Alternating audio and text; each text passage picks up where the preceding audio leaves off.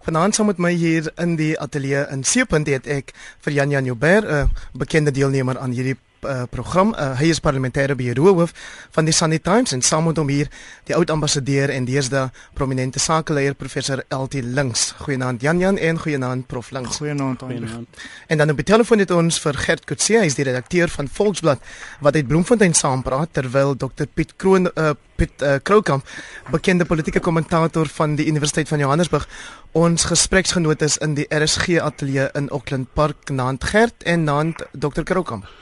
Goeienaand vanuit Bloemfontein. Dit lyk my ons het nog Nee, nie ek is, vir ek is uh, kan jy my hoor? O, daar sien nou ja, goeienaand uh, Piet. Goeienaand, goeienaand. Ek het net ek weet omdat jy my naam verkeerd uitgespreek het, dog ek Ek het bly. amper verkeerd uitgespreek, maar jy weet, ehm um, dit kom baie naby aan daai legende van die Suid-Afrikaanse politiek. Nou ja, ek is seker julle sal met my saamstem dat ons hierdie week gewis geen tekort aan groot nuus gehad het nie.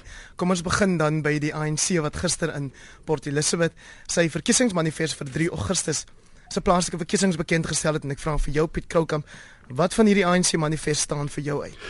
Man ek dink eh uh, Richard Poplak het eintlik vir my die die manifest baie mooi opgesom toe hy sê dis amper amper 'n soort van 'n korporatiewe dokument en ek dink eh uh, wat tipies is van manifeste is dat mense eintlik baie min kan glo uh wat daarin staan as dit kom by die uitvoering van so 'n manifest maar ek ek ek dink as ek uh, na die uh, president se toespraak in Port Elizabeth kan verwys eintlik as daar meer geloofwaardigheid daarin was as 'n mens kon geglo het wat die president sê as hy nie die geskiedenis gehad het wat hy het nie het ek gedink dit was eintlik 'n baie baie goeie toespraak. Dit as as hy daardie tipe van ondernemings maak en dit tot uitvoer kon bring wat hy daar gemaak het as 'n 'n waardige president een wat ons uh, 'n bepaalde kredietwaardigheid aan koppel dan dink ek sou dit 'n baie baie goeie uh, bekendstelling gewees het van die ANC se manifest. So ek ek dink die president het 'n goeie toespraak gemaak. Die manifest is maar 'n tipe van 'n wishlist. Ek weet nie of 'n mens vreeslik waarde daarna daar ek dink nie eens om, om die waarde is ek dink politieke partye gaan vreeslik baie daarna verwys in die toekoms nie. Ek vermoed soos wat Poplak ook gesê het in sy artikel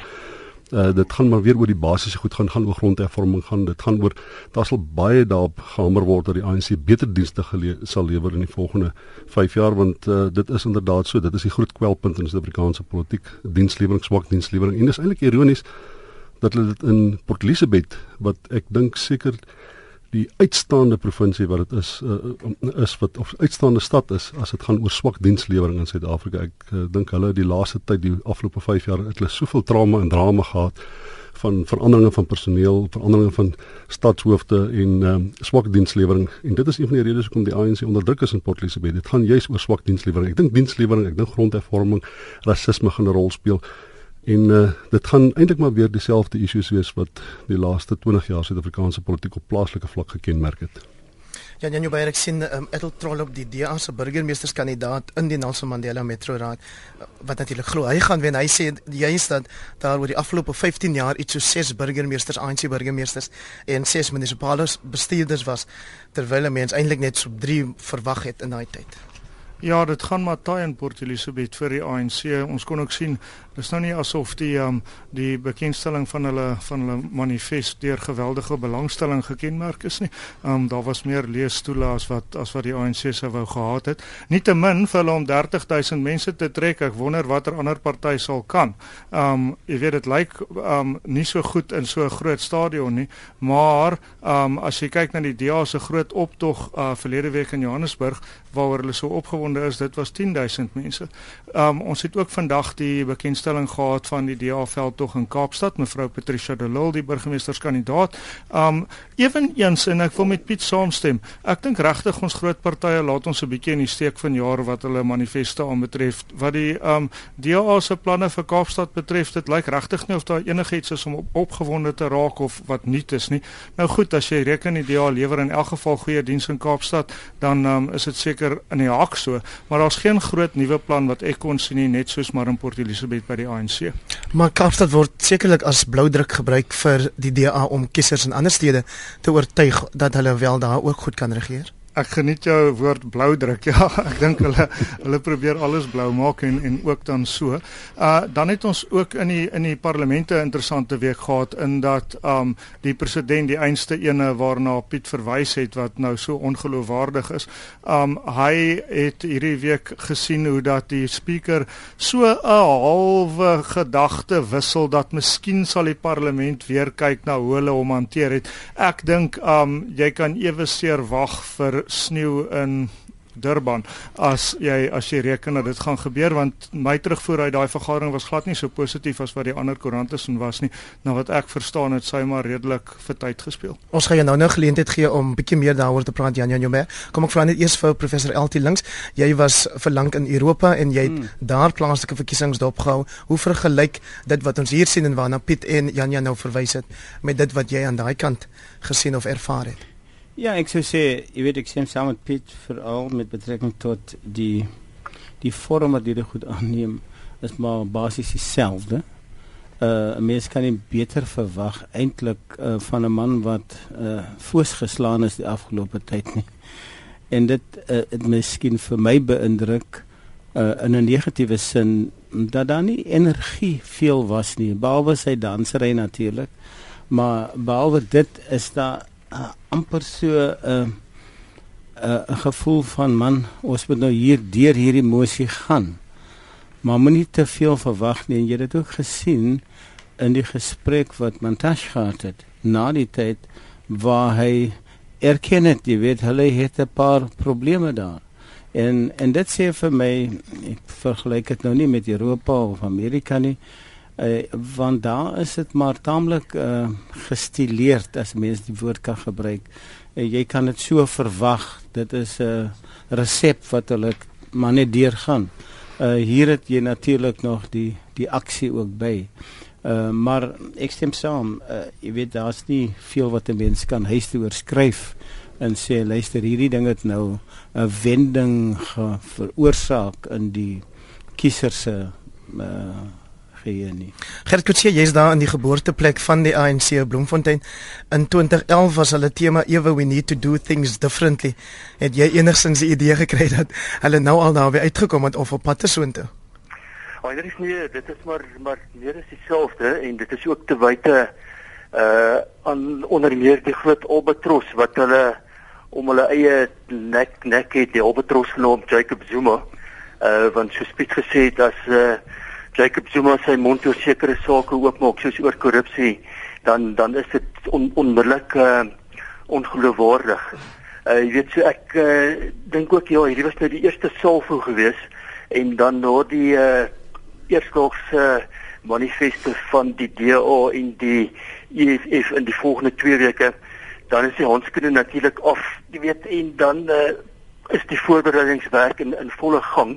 Ek dink tog ons kan uitsien dat die interessantste verkiesing in in, in baie jare uh veral met die uh, metros uh, Nelson Einstein Nelson Mandela Bay in Johannesburg en Tshwane as die uh, eerste as die eerste vetprys. En dan is die groot vraag natuurlik nou al hierdie uh, beloftes van hom en die wenslys van die afgelope naweek uh hoeveel die ANC minder gaan kry as die 62% wat hy in uh 2011 gekry het want uh dit gaan verseker minder as 62% wees en kry hy in hierdie groot metros minder as 50% dan maak dit natuurlik die deur oop vir uh, koalisiepolitiek. Weet jy mens moenie verkiesings vooruitloop nie maar die een ding wat ons wel weet is dat na die verkiesing in Augustus want ek glo dit sal wel in Augustus uh, aangaan uh, gaan daar EFF lede in plaaslike munisipaliteite landwyd wees soos wat hulle nou in die wetgewer en in die parlement is en ons sien die EFF kry dit reg om die orde te verander by by whatever means. Ja, ek sou ek sou uh, uh, iets baie interessant wat my opgeval het is is jy wat jy daar sê ehm um, Gert Gert dat ons ehm um, hier ook um, in die agtergrond die beweging het van die oppositie wat al nader aan mekaar skuif. Ek sien baie kere op die televisie en die geleenthede dat ehm um, Memani Musi en ehm um, natuurlik EFF leier baie meer uh, gemoedelik met mekaar verkeer. En ek dink dit is 'n voorloper van iets wat ons en natuurlik uh, Lekota. Ehm um, dit lyk my hulle hulle het iets in die mou en Piet Krokam die ANC het staan daar in die Nelson Mandela Metro. Ehm um, regeer hulle met 51% as ek reg is? Ja, dis En- baie klein. Ek dink is 50%. Uh, en hulle self hulle self bekommerd oor Tshwane, oor binnengevegte daarso en dan natuurlik ehm um, sit Herman Mashaba of Herman Mashaba sit gereed om daar in jou dorp of in jou stad liewer te te regeer. Hoe sien jy dinge uitspeel? Ja, ek ek dink een van die uh, goed wat uh, verskil van metropool tot metropool is natuurlik dat in party metropole indien die ANC rond of onder 50% uh, inkom met 'n stempersentasie betref of 'n steunpersentasie betref uh, en daar koalisies gevorm word. As dit hier by 48, 49% is, dan gaan dit die ANC nie vreeslik plan nie. Ek dink hulle sal met kleiner partye 'n koalisie kan vorm. Dit is wanneer hulle hier rondom 40 en 41 en 42% by die kleiner partye noodwendig meer uh hulle die meerderheid sal gee wat hulle nodig het nie en hulle dan geforseer sal word om met die effens groter partye soos Cope of die EFF op 'n of ander manier in 'n koalisie te gaan om die DA uit te hou.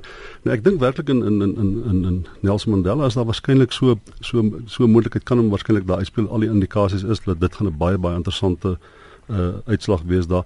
In Johannesburg is ek nog nie so seker daarvan nie. Ek dink die ANC wat jy moet onthou, hulle word onderskei van die die Gauteng ANC word so bietjie onderskei van die nasionale ANC.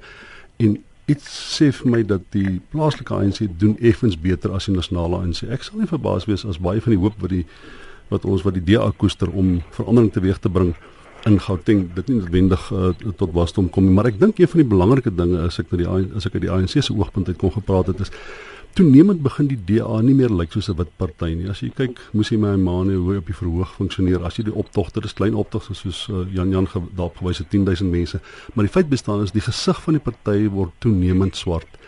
En ek dink dit sal 'n groot rol speel uiteindelik. Persepsies is uit, uiteindelik speel 'n rol wanneer mense besluit om te stem vir alles hulle protesstem wil uitbring.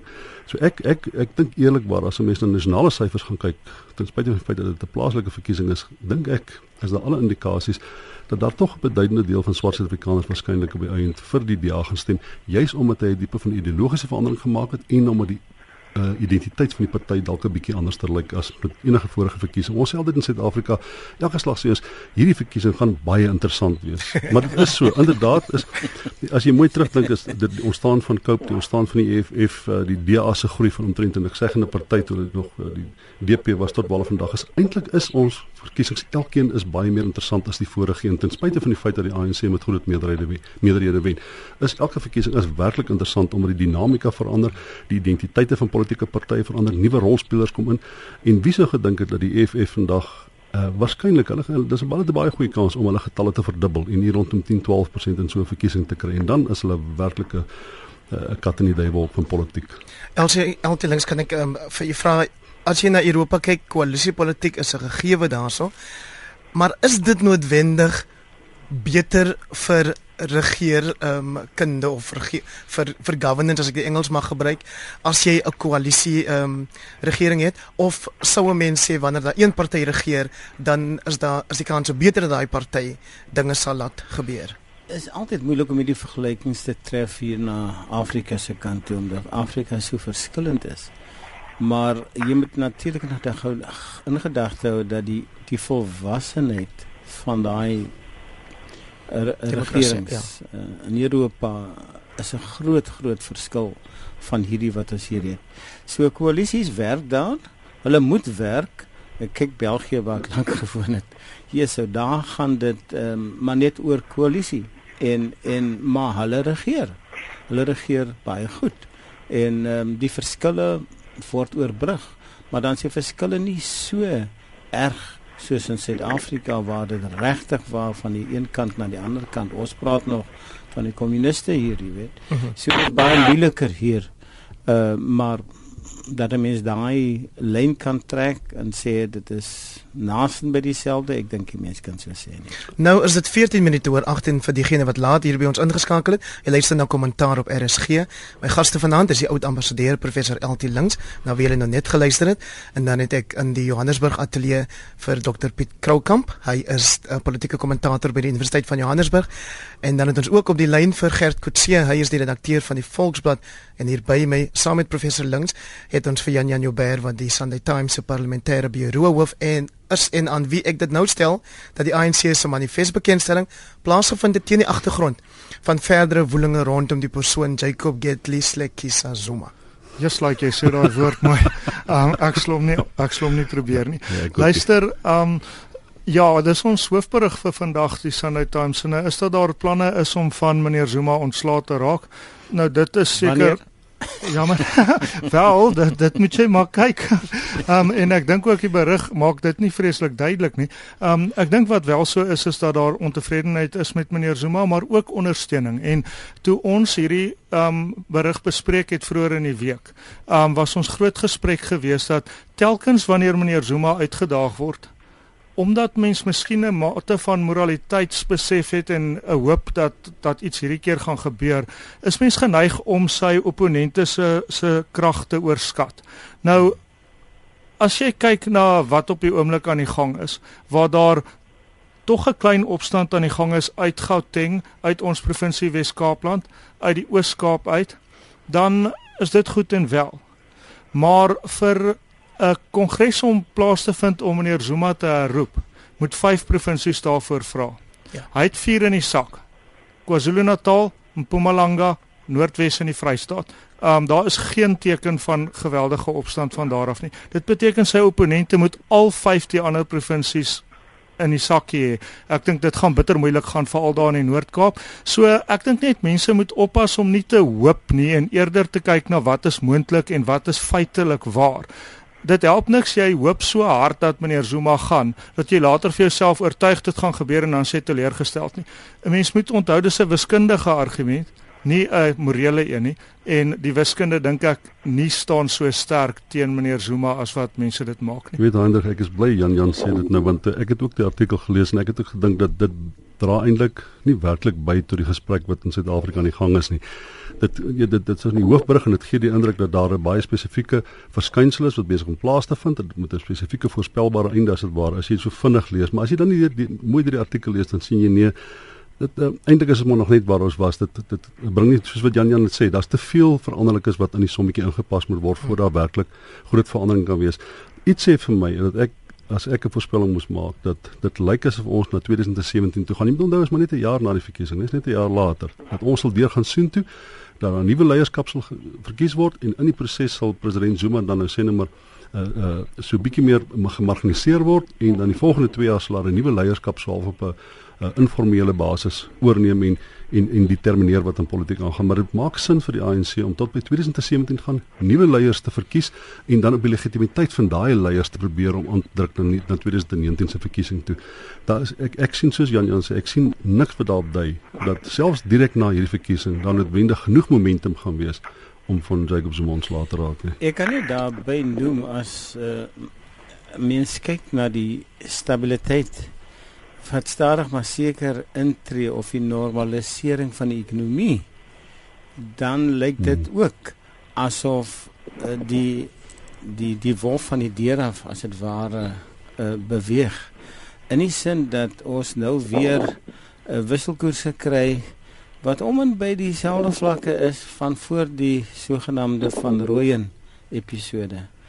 Uh, ja, dis dat hallo. ja, dis dis natuurlik nie danksy uh die president nie, maar hy hy pluk dan die vrugte daarvan. Uh wat wel seker is as die ANC van hom ontslae wou geraak het voor die verkiesing, uh dan moes hulle dit nou al gedoen het. Nou nou is dit te laat. So hulle het hulle hulle, hulle gaan 'n prys betaal daarvoor, maar hulle dan seker maar verreken uh dat uh hy is die man waarmee hulle moet gaan en dat uh, die verlies wat hulle ly met hom in die saal uh kleiner is as die verlies wat hulle andersins sou kon ly. Ja, maar dis 'n geldige punt wat uh, ek verskoon nog die uit die gas in die ateljee nou ek het hom nou so naam. Eltie. Altyd ek het 'n baie geldige punt gemaak dat die ekonomie het as dit ware terug na normaal toe gekeer en dat daar ander politieke prosesse is wat normaliseer en ten spyte van die president se teenwoordigheid gaan dit tog beter in Suid-Afrika. As jy kyk na wat die die kredietgraderingsagentskappe nou moet sien in Suid-Afrika, dan dink ek sal hulle begin om die onderskeid te maak so uh, die onbestendigheid, politieke onbestendigheid in Suid-Afrika raak nie noodwendig die ekonomie meer op 'n spesifieke manier soos wat ons voorspel het nie. En hulle sal sê goed, in 2017 kan ons meer bestendige tipe van politieke leierskap in Suid-Afrika ver, verwag en jy kyk oor 'n langer termyn na Suid-Afrika eerder as na 'n kort termyn soos 'n jaar, 6 maande ensovoorts. So ek ek dink dat daar is daar is gebeure wat plaasvind wat normaliseer in Suid-Afrika ten spyte van die president se teenwoordigheid en eh, ten spyte van die gesprek wat op die politieke front plaasvind. Jan Jan Jubber en dan tog daar in die provinsie waar Piet Kroukamp kom Kroukamp homself bevind, dis natuurlik Gauteng vra die leierskap van die ANC daar dat president Jacob Zuma diep besin oor die grondwetlike hof se uitspraak. Ja, wel kyk, um dis geen geheim nie dat Gauteng um en Wes-Kaapland en um die Oos-Kaap was nog nooit eintlik Zuma provinsies nie, vernaam nie Gauteng en die Wes-Kaap nie. So 'n mens moet daarna kyk. Dit is belangrik. Um dit is vreemd dat die ANC interne dissipline so swak is dat hulle takke net kan opstaan en sê wel jammer ons dink anders. Maar um dit dit regtig waar dit is nie genoegsaam om uiteindelik die verskil te maak nie. Jy weet Heinrich, um wat belangrik is vir hierdie verkiesing wat kom ook is die registrasiesyfers wat ek besig is om nou te begine inkry. En um wat 'n mens moet sien wat regtig vreemd is. Um hier by ons in die Weskaap byvoorbeeld, het die ANC ondersteunende gebiede bykans glad nie geregistreer nie. En die DA ondersteunende gebiede, hoe sterker die DA meerderheid, hoe groter was die hoeveelheid mense wat geregistreer het. Maar in KwaZulu-Natal was dit 'n ander storie. Um in KwaZulu-Natal het die ANC enige ander party en ek is baie ernstig 10voudig geuitregistreer. Onthou altyd dat KwaZulu-Natal in die ou dae die laagste registrasiesyfers gehad het as gevolg van die geweld. So daar is 'n klomp mense wat moet registreer. Maar daai syfers is enorm en ons hoor niks uit Mpumalanga nie. Ons hoor niks uit um, Gauteng se provinsie daar in die Vrystaat oor ontevredenheid met Zuma nie en niks uit Noordwes nie. Ook nie uit die Noord-Kaap nie. So so ons moet regtig versigtig wees hierso. Maar Jan Jan omdat omdat KwaZulu onder dis 'n plaaslike verkiesing, né? Uh maak dit eintlik nie vreeslik saak. Wel, dit maak saak, maar dit het nie so geweldige effek as wanneer jy provinsiale en 'n nasionale verkiesing het as daar gewellige groot registrasie in KwaZulu-Natal is nie. Maar ek dink daar's 'n ander faktor, miskien sal Jan Jan sy vinger op daai pols ook hê en dit is dat wanneer die partylyste nou uitkom, met ander woorde wanneer partylede op die lys gesit word vir om poste te beklee na afloop van die verkiesing, dan kan 'n mens ook 'n klompie onbestendigheid verwag. Dan kan jy mense wat baie baie ongelukkig is, hulle laag op die lys is, hulle nie die lys haal nie. En veral in uh, in in streke, provinsies en in in in in rade waar dit baie meer kompeterend gewees, gaan daar 'n klomp ANC-lede wees wat begin dink maar ek gaan my werk verloor. Ek gaan dit nie maak op hierdie lys op die posisie waar ek nou is en dan kan die ANC nog 'n klompie onbestendigheid verwag binne die party.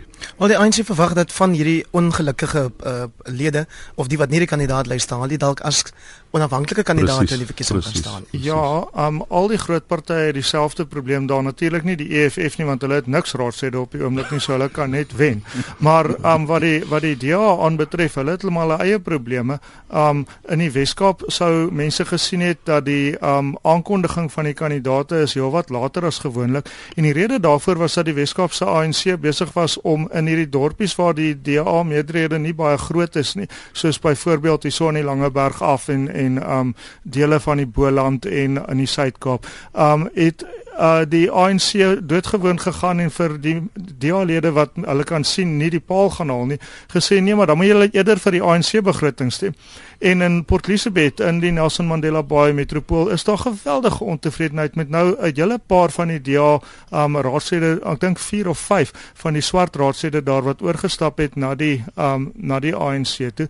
En in Pretoria in die Tshwane Raad is daar ook 'n stryery aan die gang want mense sê um jy weet van die mense is benadeel ensovoort. Ek dink dit is belangrik vir politici en vir ons as kiesers om miskien 'n bietjie um 'n bietjie groter te wees as die onmiddellike en te onthou dat dit eintlik hier gaan oor beginsel en nie mens self nie. Um en veral wil ek tog maar vir ons luisteraars vra om om reg te maak en hulle planne so te maak dat hulle op 3 Augustus stem. Dis verskriklik belangrik. LT links kan ek jou hier net inbring om net terug te kom na president Jacob Zuma mm. se situasie toe. Die afgetrede grondwetlike hofregter Zak Jacob sê hierdie week toe ons die grondwet opgestel het, het ek nooit kon dink dat enige verkose president sal so baie steel en so baie lieg nie. Geen diplomatie daarson nie. Ja, jy weet eh uh, soos is nou al reeds gesê het, jy weet is is eintlik verbasend dat 'n man so lank kan staan. Ehm uh, as jy kyk wat die ANC gesê het ten opsigte van die provinsie se steun vir hom veral na aanleiding van die Gautengse provinsie was dit net vir my verstommend vir die tipe van argumente wat gebruik was om te sê hoekom hulle hierdie man steun. En dit gaan basies oor daar's geen rasionele argument nie. Dit gaan om die ANC. Dit gaan nie oor die persoon nie. Hierdie is 'n gemeenskaplike, dit is die hele ANC wat aangeval was en ons sê dit is ons man ongeag van wat watter moraliteit, watter etiek, watter beginsels, watter waardes hulle maak om heeltemal los van daai verantwoordelikheid. Dit gaan om die ANC en dit is vir my baie teleurstellend, maar terselfdertyd uh, kan jy nie glo dat die kiesers tot daai vlak gekom het dat hulle hom sal steun ongeag van die werklikheid van sy leierskap. En as jy gaan kyk na die leierskap, al die eienskappe van enige leier. Jy weet, uh doen soos ek doen. Jy weet. In hierdie geval is dit moenie na wat ek is luister na wat ek sê nie. Jy weet. Moenie doen wat ek doen nie. En en dis dis net vir my baie teleurstellend, maar dit is nou die man en dit is die party eintlik. En ja, en hoekom ja, wat ons selfs uh, vergelyking hierdie week van die uh, mags uh misgrype in Suid-Afrika mm. aan die hand van Animal Farm eintlik so absolute relevant ja. en in die kolles weet en hoe uh die as as die korrupsie eers begin hoe hoe, ja. hoe dit die kringloop loop uh en ja so volpunte daar vir uh advokaat Mononsello want Animal Farm se hele tema pas soos 'n blou druk op hierdie magsdinamika wat besig is om om hier so uit te speel. Sê vir ons Gert is daar um, hanteer Volksblad môre in hulle in hulle hoofartikel dalk um, die ANC se verkiesingsmanifest bekendstelling of nie? Uh nee, dit sal ons uh, dinsdag hanteer wanneer ons môre rustig rustig uh, gesit en herkou het daaraan. Ja, dis 26 minute oor 8. Jy luister na kommentaar hier op RSG saam met my, Hendrik Weingart, my gaste vanaand, Jan Jan Joubert, Piet Kroukamp, Gert Kutse en LT Links. Nou wat internasionale aangeleenthede hierdie week betref, LT Links, staan twee of drie gebeure uit. Die eerste is die internasionale monetaire fonds wat voorspel dat dit vorentoe beroerd kan gaan of steeds aanhou beroerd kan gaan met ontwikkelende ekonomieë soos Suid-Afrika. Ek wil graag jou indrukke daaroor hoor en dalk wil jy ook vir ons uh, 'n uh, draai gaan maak in Brasilië waar daar ander presidente is met 'n groot moeilikheid hmm. verkeer. Ja, dit is baie interessant, jy weet ek meen ehm um, die IMF gee elke 6 maande so vooruitsig van wat die wêreldekonomie kan verwag. Hulle moes hom 'n bietjie afgebring het met so 2% van Januarie maand af tot nou toe. Maar die vooruitsigte, hulle het so 'n oulike wyse wat hulle stel, 'n spreek wat hulle maak, hulle sê too long too slow. en dit is eintlik 'n mooi opsomming van die langdradigheid van die herstel. Eintlik is daar nie herstel nie. Hulle verwag 2017 sal effens beter wees, maar nie noemenswaardig beter nie.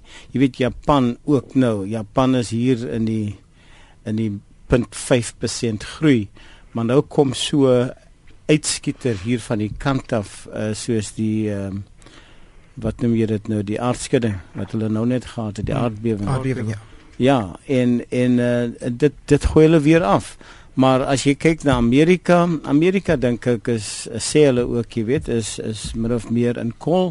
Europa 1.5, maar dan kom hulle in Suid-Amerika en daar sê hulle is dinge maar 'n bietjie troebel veral in Brasilië. Brasilië het vir die tweede jaar nou 3.8 in die negatief. Sjoe. Jy weet so hulle sukkel. En een van die redes daarvoor is jy die president en die president word nou uh, in 'n posisie gestel dat daar kan 'n staat van beskuldiging teen ja. haar ingebring word. Die laarhuis het terloops, ek dink hulle stem is seker al uit. Ja, hulle hulle het teen haar gestem. Teen haar gestem. Nou jy weet dit dit sê baie. Nou gaan daar 'n proses na die hoër hof die senaat en en en dan dan word die dinge vir 'n periode van 'n hele paar maande bespreek en daar word uh uh geluister na die volk en na ander en sy kan werklik waar die einde van haar loopbaan as president sien as gevolg van die ekonomie. En dit wys net weer hoe 'n swak ekonomiese rekord die politiek en die sosiale stabiliteit van 'n land kan beïnvloed. Dit werk andersom ook, maar moenie 'n fout maak nie. As jou ekonomie afgaan, dan het jy sosiale soos ons self ook hierdie kan sien. Sosiale en politieke onstabiliteit wat moeilik te keer is. Jan Jan Meyer? Ja, um, ek dink jy sien ek dink dis wat uh, Piet en Gert ook vroeër na verwys het. Um in ons land wat eintlik vir my so opwindend is, is dat ons sit soos wat um Prof LT ook gesê het met die wolf aan die deur met ja. um met rommelstatus, maar um op 'n manier het die land net besluit en dis wat elke keer in ons geskiedenis gebeur is totaal onmoontlik om te verklaar, maar op 'n manier sê ons land elke keer nee mapsticks mense ons gaan ja. nie heeltemal oor die kant gaan nie. Ons gaan nie afval nie.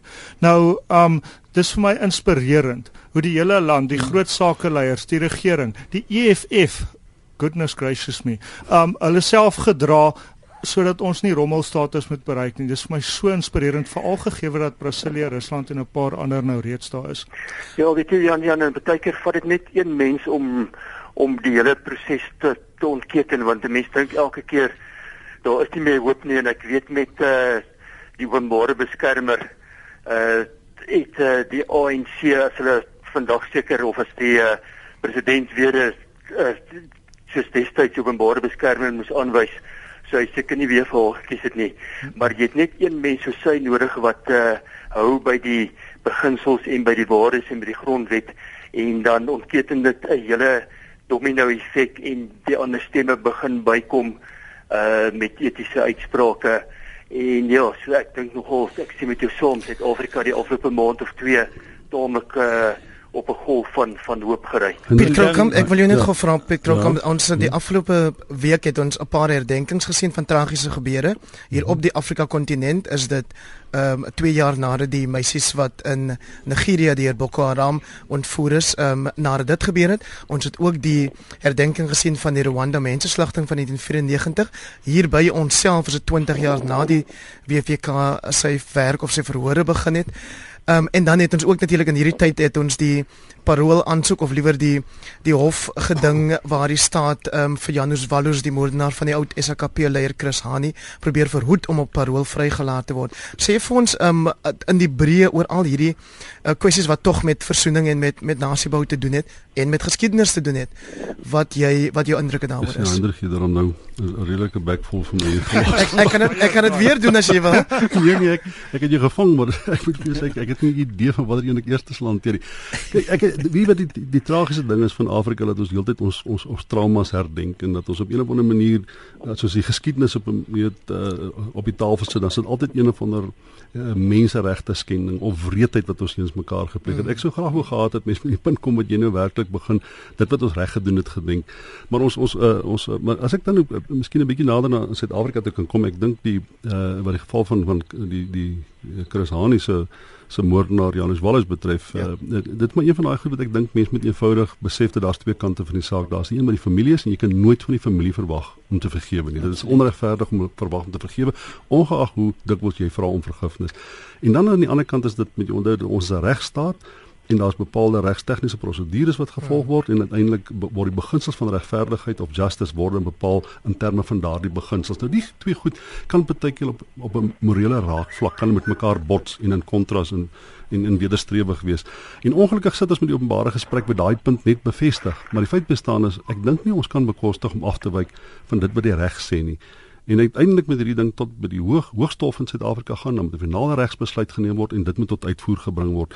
Maar die feit bestaan is dit is nie so eenvoudig nie dat jy jy, jy kan werklik nie verwag van die Hani familie om enigstens uh, vergewensgesind te wees nie en ek dink ook nie dit sal reg wees as ons uh, daarop aandring nie. Ek dink mense moet aanvaar dat die regsproses uiteindelik die stryd gaan wen, maar die morele argument sal altyd in ons gesigte wees soos wat met al hierdie menseregte skendings gebeur waarvan ons nou praat en wat ons gedink oor die laaste weke. En in al hierdie gevalle LT links is daar natuurlik die kwessie dat in baie gevalle sê mense ja, daar's nou wel ehm um, jy weet daar's versoening van die slagoffer se kant af, maar daar's nie noodwendig altyd berou van die oortreder se kant af nie.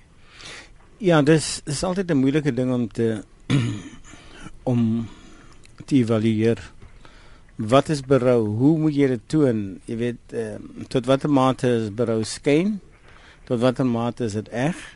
So in in daai geval is dit vir my 'n moeilike saak om uh, voor te hou as die rede waarom daar nie 'n uh, 'n uh, uh, genade getoon word nie. Is is 'n is 'n persoonlike ding. Jy weet sommige mense kan trane stort uh, sonder enige probleem. Uh, ander vind dit net baie moeilik. Dit is inherënt 'n persoonlike amper biologiese, fisiologiese ding. Jy weet Hendrik, daar was vandag so 'n klein berig in die Sunday Times gewees wat ek wat eintlik vir my dit het my amper getraumatiseer en dit was 'n uh, Kutse wat op 'n stadium verantwoordelik was vir die dood van vier mense in Suid-Afrika mm. met 'n ja. bom wat hulle in Woester geplant het. Ja. Kersfees 2009. Ja, een enkele sinnetjie dan wat hy gesê het was vir my so half met my koue rillings gegee. Hy sê vir my as hy nie met die Jean of sê in die berig sê as hy nie met die Jean de Kok gepraat het nie, dan wonder hy hoeveel mense sou hy doodgemaak het wanneer hy buite gekom het. Toe dink ek net jy weet en, en terwyl ons nou praat van berou, daai persone wat daar sit, baie van die mense wat daar sit, uh, daar's nie eintlik 'n bewys daarvan dat hulle uitkom en nog mense weer gaan vermoor nie. Ek dink uh, die meeste van hulle is nie regtig psigopate nie. Dit is mense wat hulle self sien as een van die soldate met 'n wanopvatting vir wat 'n soldaat se se funksie werklik is. Maar hoe dit ook al sê, die feit bestaan is, baie keer dink ek as 'n mens in Max de Preet my baie mooi artikel hierdie week geskryf in die media daaroor. Dit is jammer dat Afrikaans sprekende mense of Afrikaners nie noodwendig in daai proses ingekoop word van die waarheids- en voorsieningskommissie. Kom ons vergeet die versoen, die versoeningsdeel daarvan. Kom ons sê net dit ter wille van 'n kompromie as jy bereid om aan die tafel te kom en sê maar hierdie proses is 'n legitieme proses wat op 'n manier op die op die verlede gaan reflekteer. En ek dink dat baie van die spanning wat in Suid-Afrika vandag nog bestaan was omdat baie van ons het halfhartig na daai tafel toe gekom en nie werklik ingekoop op die kompromie wat daarin gegaan is nie. Om te vra te sê met jammer wees weet, hoe hoe bepaal jy of iemand jammer is? Maar die feit bestaan is jy moet bereid wees om op te staan en nader te kom en sê goed okay kom ons aanvaar ek was verkeerd geweest en kom ons aanvaar dat ek is bereid om 'n kompromie aan te gaan wat 'n beter uh, toekoms daarstel eerder as 'n beter verlede. Wel dit is wat my so frustreer van die hele WVK proses is dat dit vir my gelyk het asof baie wit Afrikaans sprekende mense Afrikaners so half skoorvoetend daarna geluister het. Ek meen die burger het dit destyds 'n lieg en bieg kommissie genoem absolute onsin was.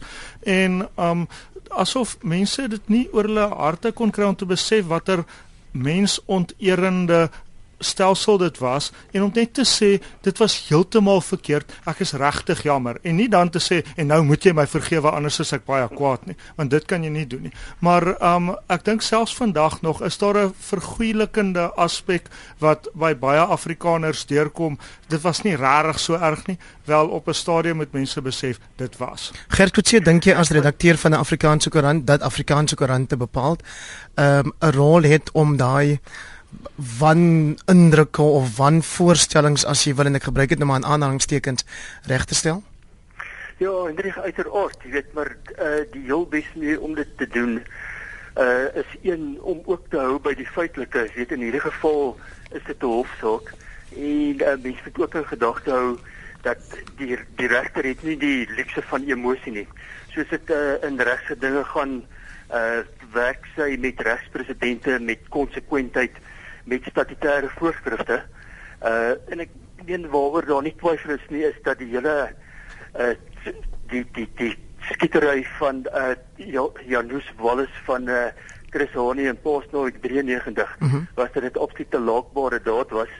Ehm um, maar andersins moet mense gedagte hou daar is 'n uh, ander skieters en bomplanters uit dieselfde in die vroeë tydperk wat uh vandag nie meer in die tronk is nie weet uh, ek ek op grond van op tegniese gronde lyk die regter tog baie oortuig van haar saak. Sy het uh, inderdaad vir uh, Mike Masuta aanbeveel dat uh, voordat hy appeleer moet hy eers haar vorige uitspraak gaan gaan uh, bestudeer uh, omdat sy min omdat sy dit betwyfel dat sy 'n uh, appel sou kon slaag. Ja. Jy weet so die saak bly sub judice gaan dit grondwet hof toe sou dit sou dit uh, interessant wees. Maar Hendrik dat die daar Pierre de Vos het 'n baie goeie artikel geskryf. Ja, sê vinnig asseblief. Hendrik uh, uh, Pierre de Vos het 'n baie goeie artikel geskryf ja. wat hom wat hy uh, wat hom betref het die regter bepaalde mistasting begaan en wat wat vir my sleg is dat die regter nie sê kom okay ek gee jou kans gaan appeleer die saak nie want ek dink dit is so kontensieuse saak dat ek verdink daai saak verdien 'n appel en ek dit is my baie jammer want uh um, dit skep die indruk dat die dat die regter probeer om die saak net hier te stop wat nou is en ja. ons het 'n geldige regsopinie wat sê dat daar is grond inspirerend om verder na die ding te kyk. Nou ja, so het ons aan die einde gekom van vanaand se program. Dis jammer dat ek nou nie die einste Piet Kroukamp kon vra oor sy pennestryd met uh, die digter Breiten Breitenberg nie oor die Universiteit van Stellenbosch se se nuwe konseptaalbeleid nie, maar daarvoor of daaroor 'n ander keer en dan ook oor die aanstelling van Alistair Coetzee as Springbok afrigter baie geluk aan hom en um, ja. ons hoop dat hy die ding sal kan doen. My paneel vanaand was Janja Nieuwberg van die Sunday Times, Gert Coetzee van die Volksblad, die politieke kommentator Piet Kroukamp van die Universiteit van Johannesburg en die oud ambassadeur professor LT Links van my Hendrik Weingart. Groete tot volgende keer.